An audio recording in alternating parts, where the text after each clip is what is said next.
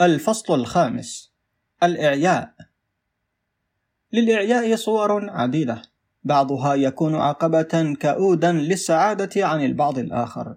فالإعياء البدني الصرف. شريطة ألا يكون زائدا عن الحد يميل لأن يكون سببا للسعادة حيث يؤدي إلى النوم العميق والشهية المفتوحة. ويعطي نكهة للمسرات الممكنة في أيام العطلة. ولكن إذا كان زائدا عن الحد يصبح شرا مستطيرا. فالفلاحات في كل المجتمعات فيما عدا المجتمعات الأكثر رقيا يصبحن عجائز في الثلاثين من العمر حيث تبليهن المشقة الزائدة. والأطفال في بداية عصر التصنيع أعاق العمل الزائد نموهم وكثيرا ما قتلهم في سنوات عمرهم المبكرة. ولا يزال نفس الشيء يحدث في الصين واليابان حيث التصنيع لا يزال جديدا. وإلى حد ما يحدث أيضا في بعض الولايات الجنوبية بأمريكا. والعمل البدني الذي يتعدى نقطة معينة يصبح تعذيبا فظيعا.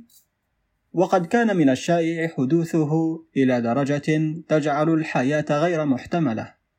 وفي أكثر أجزاء العالم الحديث تقدما تناقص الإعياء البدني كثيرا نتيجة لتحسين ظروف التصنيع. وطراز الإعياء الذي يعد خطيرا حاليا في المجتمعات المتقدمة هو الإعياء العصبي وهذا الطراز على شدة غرابة ذلك. يظهر بدرجة كبيرة بين المقتدرين ماديا ويميل لأن يكون أقل شيوعا بين العاملين بأجر بالمقارنة برجال الأعمال والذين يقومون بأعمال ذهنية. والهروب من الإعياء العصبي في الحياة العصرية أمر صعب للغاية. ففي المقام الأول فإن العامل الحضري يكون معرضا للضوضاء عبر ساعات العمل بكاملها وبدرجة أكبر أثناء الزمن الذي يقطعه فيما بين العمل والمنزل. وصحيح أنه يتعلم ألا ينصت بوعي إلى معظم هذه الضوضاء ولكنها رغم ذلك تصيبه بالإعياء. ويرجع ذلك بدرجة الأولى إلى المجهود اللاواعي الذي يبذله في عدم الإنصات. وشيء آخر لا ندركه يؤدي إلى الإعياء. وهو التواجد الدائم للغرباء. فالغريزة الطبيعية للإنسان كما هي في غيره من الحيوانات هي استطلاع كل دخيل من نفس النوع حتى يحدد ما إذا كان سيسلك تجاهه سلوكا وديا أم عدائيا. وهذه الغريزة لا بد من تثبيطها في أولئك الذين يسافرون في متر الأنفاق ساعة الذروة. ونتيجة لهذا التثبيط فهم يشعرون بغضب منتشر عام في مواجهة كل الغرباء الذين جمعوا معهم في هذا الاتصال المرغمين عليه. ثم هناك الإسراع للحاق بقطار الصباح وما ينتج عن ذلك من سوء الهضم. ونتيجة لذلك ففي الوقت الذي يصل فيه العامل ذو المعطف الأسود إلى المكتب ويبدأ عمل اليوم تكون أعصابه قد تهرأت وكان أميل إلى اعتبار الجنس البشري مزعجا. وصاحب العمل الذي يصل هو الآخر بنفس المزاج لا يفعل شيئا يخفف به هذا الإحساس لدى الموظف. والخوف من الطرد يجبر الموظف على السلوك المحترم ولكن هذا السلوك غير الطبيعي لا يعدو إلا أن يضيف إلى التوتر العصبي لديه. وإذا ما سمح للموظفين ولو لمرة في الأسبوع أن يشدوا أنف صاحب العمل أو أن يقولوا له رأيهم فيه لخفف هذا من توترهم العصبي. ولكن بالنسبة لصاحب العمل الذي لديه هو الآخر متاعبه لن يؤدي ذلك إلى إصلاح الأمور. فما يمثله الخوف من الطرد بالنسبة للموظف هو نفس ما يمثله الخوف من الإفلاس بالنسبة لصاحب العمل. وصحيح أن البعض يكون كبيرا بدرجة تكفي لجعله أكبر من هذا الخوف. ولكن لكي يصل هذا البعض إلى مكانة كبيرة على هذا النحو كان عليهم بصفة عامة المرور عبر سنوات من الكفاح المضني. وكان عليهم خلالها أن يكونوا مدركين تماما للأحداث التي تقع في كل مكان من العالم وأن يبطلوا باستمرار مكائد منافسيهم. ونتيجة هذا كله أن النجاح الباهر عندما يأتي يكون الرجل منهم عبارة عن حطام عصبي. شديد الاعتياد على القلق لدرجة أنه لا يستطيع أن يتخلص من هذه العادة عندما لا تكون هناك حاجة لها. وصحيح أن هناك أبناء الرجال الأغنياء، ولكنهم عموما ينجحون في خلق مقلقات لأنفسهم مطابقة لأنفسهم مطابقة ما أمكن لتلك التي كانوا سيعانونها إذا لم يولدوا أغنياء وبالمراهنات والمقامرة يجلبون لأنفسهم تعاسات آبائهم وبتخليص فترات ندمهم من أجل اللهو يدمرون أجسادهم وعندما يحين زمن استقرارهم يصبحون غير قادرين على الإحساس بالسعادة على نحو ما كان عليه آباؤهم من قبل. وطبيعية أو جبرا وباختيارهم أو بالضرورة يعيش معظم المحدثين حياة مشوشة عصبيا ويكونون دائما متعبين لدرجة لا تمكنهم من الاستمتاع دون ما الاستعانة بالخمر. ولنترك جانبا هؤلاء الرجال الأغنياء الذين هم محض حمقى ولنأخذ بعين الاعتبار الحالة الأكثر شيوعًا والخاصة بأولئك الذين يرتبط إعياؤهم بالعمل الدؤوب من أجل العيش.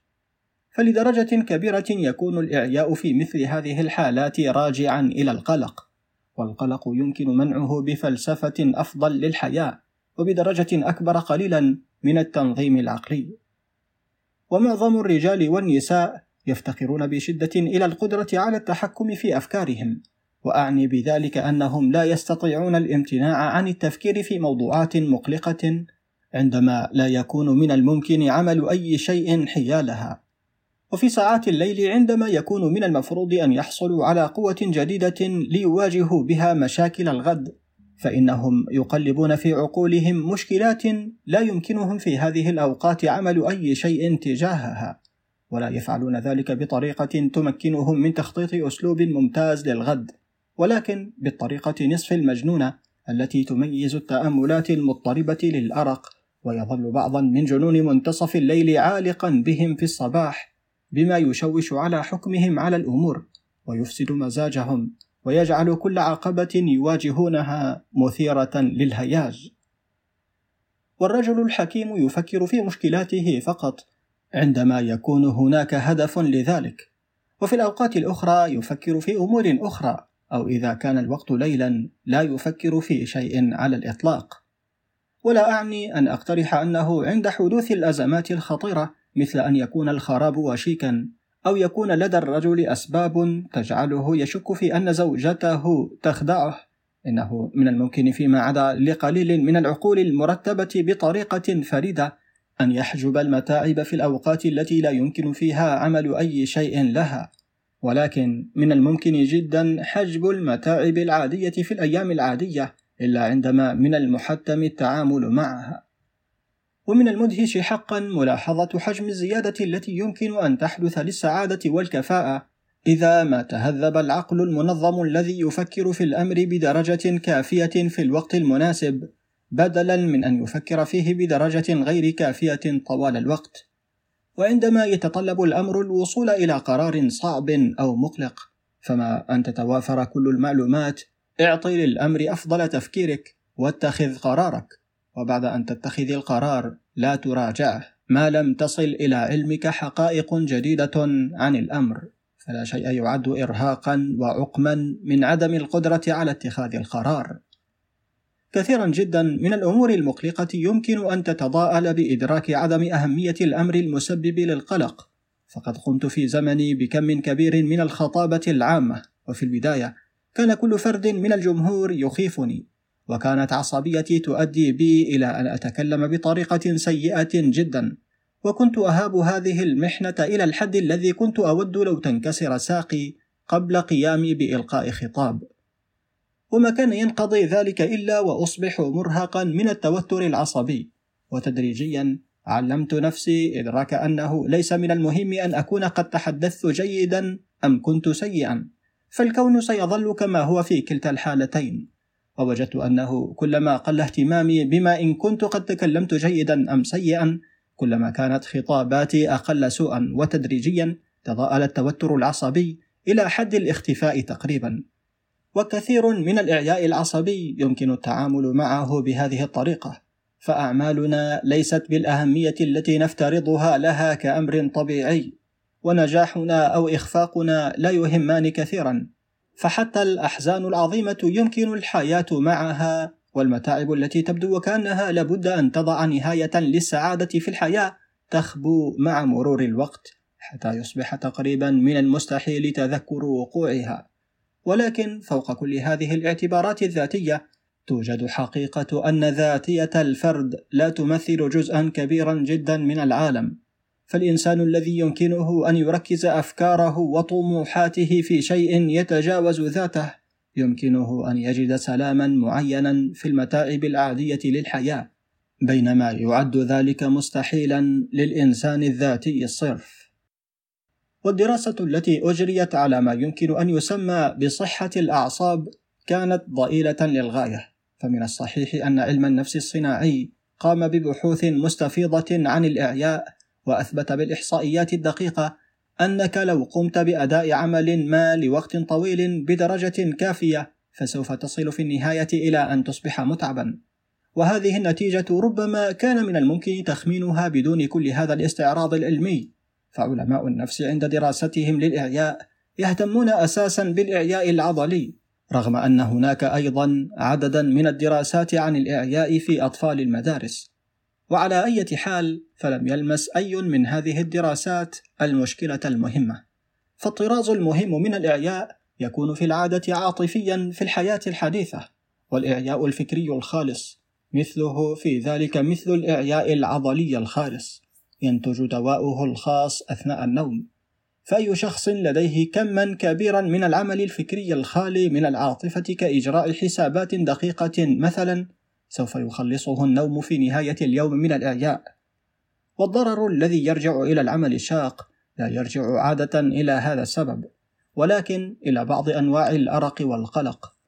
ومشكلة الإعياء العاطفي هي أنه يتداخل مع الراحة فكلما زاد تعب الإنسان كلما كان من المستحيل عليه أن يتوقف.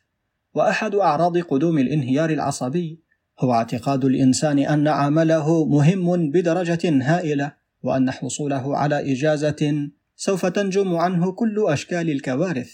وأنا إذا كنت طبيبا لكنت قد وصفت الإجازة لأي مريض يعتقد أن عمله مهم.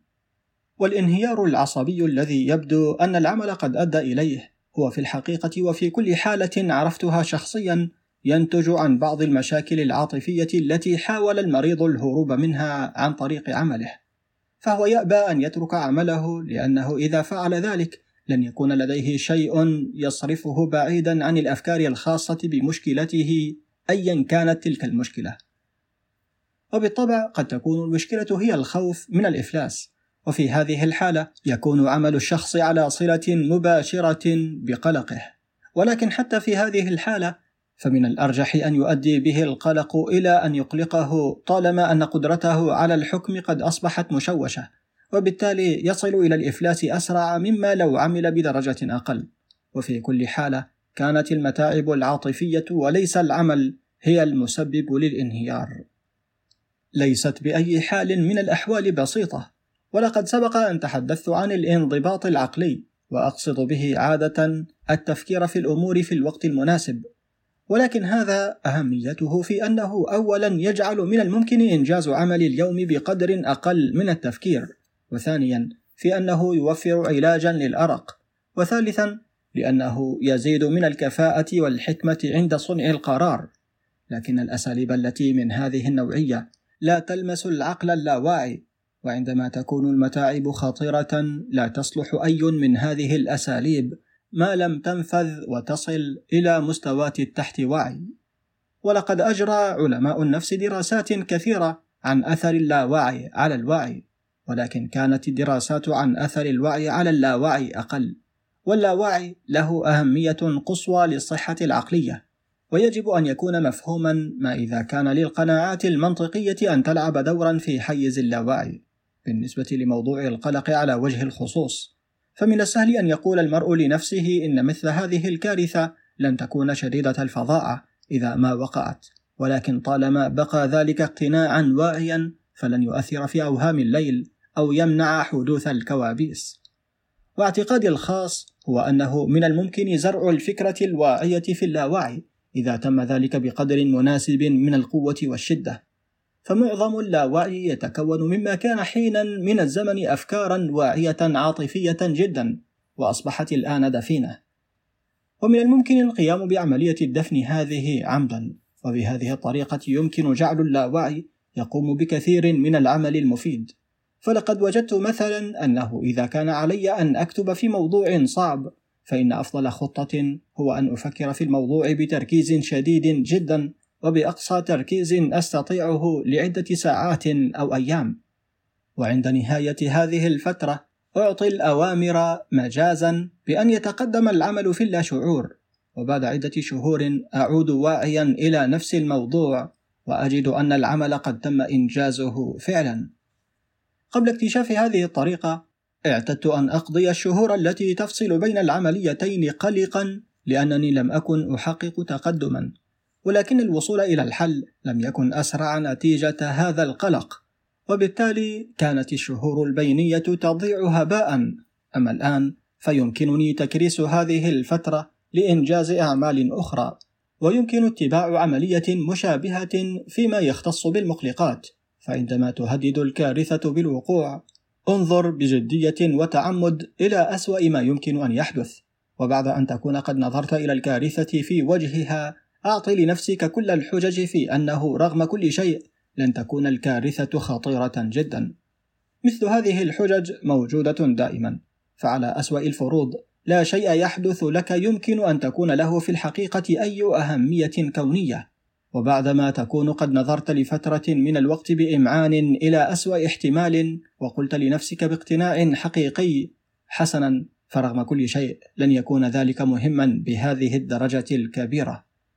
ستجد أن قلقك قد تضاءل إلى مدى غير عادي وقد يكون من المهم أن تعيد هذه العملية عدة مرات ولكن في النهاية إذا لم تكن قد أغفلت شيئا عندما واجهت أسوأ الاحتمالات ستجد أن قلقك قد اختفى تماما وحل محله نوع من الغبطة. ويعد ذلك جزءا من أسلوب أكثر شمولا لتفادي الخوف. فالقلق صورة من صور الخوف وكل صور الخوف تؤدي إلى الإعياء. والرجل الذي تعلم ألا يحس بالخوف سوف يجد أن متاعب الحياة اليومية قد تضاءلت بشدة. وأشد صور الخوف ضررا تحدث عندما يكون هناك خطر لا نود مواجهته. ففي لحظات شاذة تبزغ الأفكار المخيفة في عقولنا ونوعية هذه الأفكار تعتمد على الشخص ولكن لكل شخص تقريبا يوجد نوع من الخوف الكامن. فلشخص ما قد يكون الخوف من السرطان ولآخر من الخراب المالي ولشخص ثالث أن ينكشف سرا مشينا. وقد يتعذب شخص رابع بشكوك الغيرة. وربما كان كل هؤلاء يستخدمون الأسلوب الخطأ في التعامل مع هذه المخاوف ففي أي وقت تغزو فيه هذه المخاوف عقولهم يحاولون التفكير في شيء آخر ويحاولون تشتيت أفكارهم باللهو أو العمل أو غير ذلك. وكل طراز من الخوف ينمو إلى الأسوأ ما لم تتم مواجهته.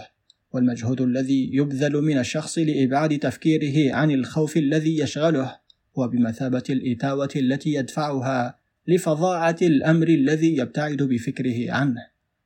والسلوك المناسب للخوف هو أن تفكر فيه منطقيا وبهدوء، ولكن بتركيز شديد إلى أن يصبح مألوفا لك تماما، وفي النهاية فإن هذا التآلف سيقلم المخاوف، وسيصبح الموضوع برمته مملا، وستنصرف أفكارك بعيدا عنه. ولن يحدث ذلك بالأسلوب الذي يعتمد على مجهود الإرادة ولكنه سيحدث نتيجة لانعدام أهمية الموضوع المسبب للخوف.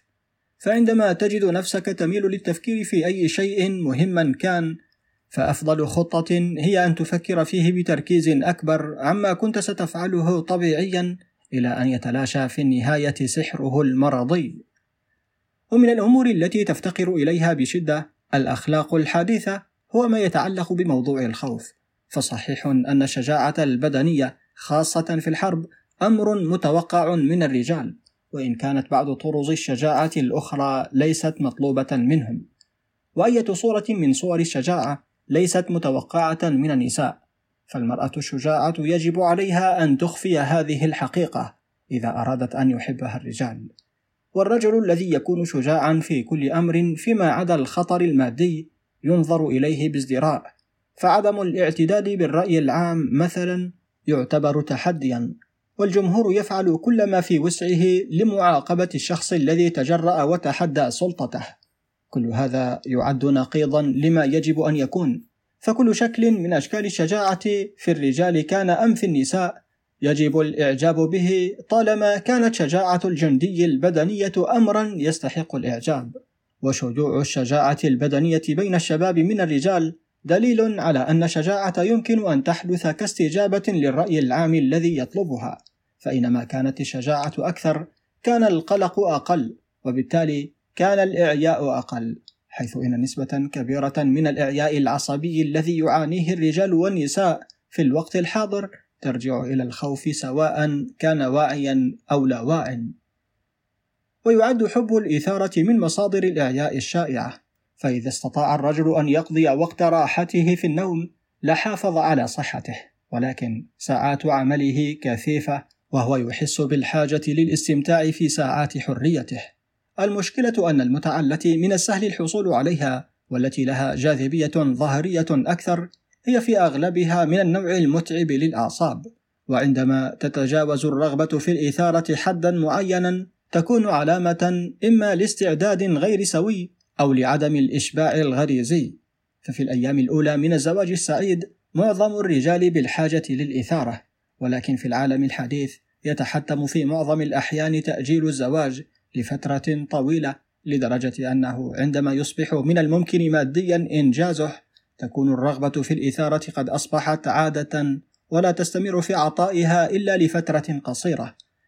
فإذا سمح الرأي العام للرجال بالزواج عند سن الواحد والعشرين دون تجشم المعاناة المالية التي يشتمل عليها الزواج حاليا فلن يسير كثير من الرجال في طريق طلب تلك المتع التي تصيبهم بالإعياء كعملهم تماما. وقد يبدو اقتراح جعل ذلك ممكنا أمرا لا أخلاقيا كما يدلل على ذلك مصير القاضي ليندزي الذي عانى من الطعن في شخصه رغم ماضيه المشرف كقاض. وكانت جريمته الوحيدة هي أنه أراد إنقاذ الشباب الصغير من المصائب التي يعانونها نتيجة تعصب من هم أكبر سنا ولن أخوض في هذا الموضوع أكثر من ذلك الآن حيث سيأتي الحديث عنه تحت عنوان الحسد والذي سأتناوله في فصل لاحق. ومن الصعب على الفرد الذي لا يمكنه تغيير القوانين والأعراف التي يعيش في ظلها أن يجاري الموقف الذي خلقه الأخلاقيون العدوانيون وحافظوا على استمراره. ولكن من المفيد إدراك أن المتع المثيره ليست هي الطريق إلى السعادة رغم أنه طالما ظلت الملذات الأكثر اشباعا غير ممكنة فقد يجد الإنسان أنه من الصعب عليه تحمل الحياة بدون إثارة. وفي مثل هذا الموقف فإن الشيء الوحيد الذي يستطيع الرجل الرزين أن يفعله هو أن يقنن لنفسه ولا يسمح لنفسه بكمية من المتع المرهقة تؤدي إلى الضرر بصحته أو تتعارض مع عمله. والعلاج الجذري لمتاعب النشء يكمن في تغيير الأخلاق العامة. في نفس الوقت يحسن الشاب الصغير لنفسه إذا فكر في أنه في النهاية سيكون في موقف الزواج وأنه لن يكون حكيما إذا ما عاش بطريقة تجعل من الزواج السعيد امرا مستحيلا. وهو ما تؤدي إليه بسهولة الأعصاب الضعيفة واكتساب عدم القدرة على الاستمتاع بالمتع الأكثر رقة. ومن أسوأ خصائص الإعياء العصبي أنه يعمل كستار يحول بين الإنسان والعالم الخارجي فالانطباعات تصله مهتزة صامتة وهو لم يعد يلاحظ الناس إلا عندما تثيره بعض الحيل أو السلوكيات الصغيرة ولا يحصل على أي متعة من وجباته أو من الشمس المشرقة. ولكنه يميل لأن يركز انتباهه بتوتر شديد على أشياء قليلة ولا يبالي بكل الباقي. ومثل هذه الحالة تجعل الراحة امرا مستحيلا بالنسبة له بحيث يزيد الإعياء باستمرار إلى أن يصل إلى النقطة التي يتطلب فيها علاجا طبيا. وأصل كل ذلك هو الجزاء على فقدان الاتصال بالأرض. والذي تحدثت عنه في الفصل السابق. ولكن من السهل معرفة كيف يمكن الحفاظ على هذا الاتصال في مجتمعنا الحديث الكبير الحضري. وعلى كل حال فها نحن مرة أخرى نجد أنفسنا في مواجهة قضايا اجتماعية كبيرة ليس من مقاصد التصدي لها في هذا الكتاب.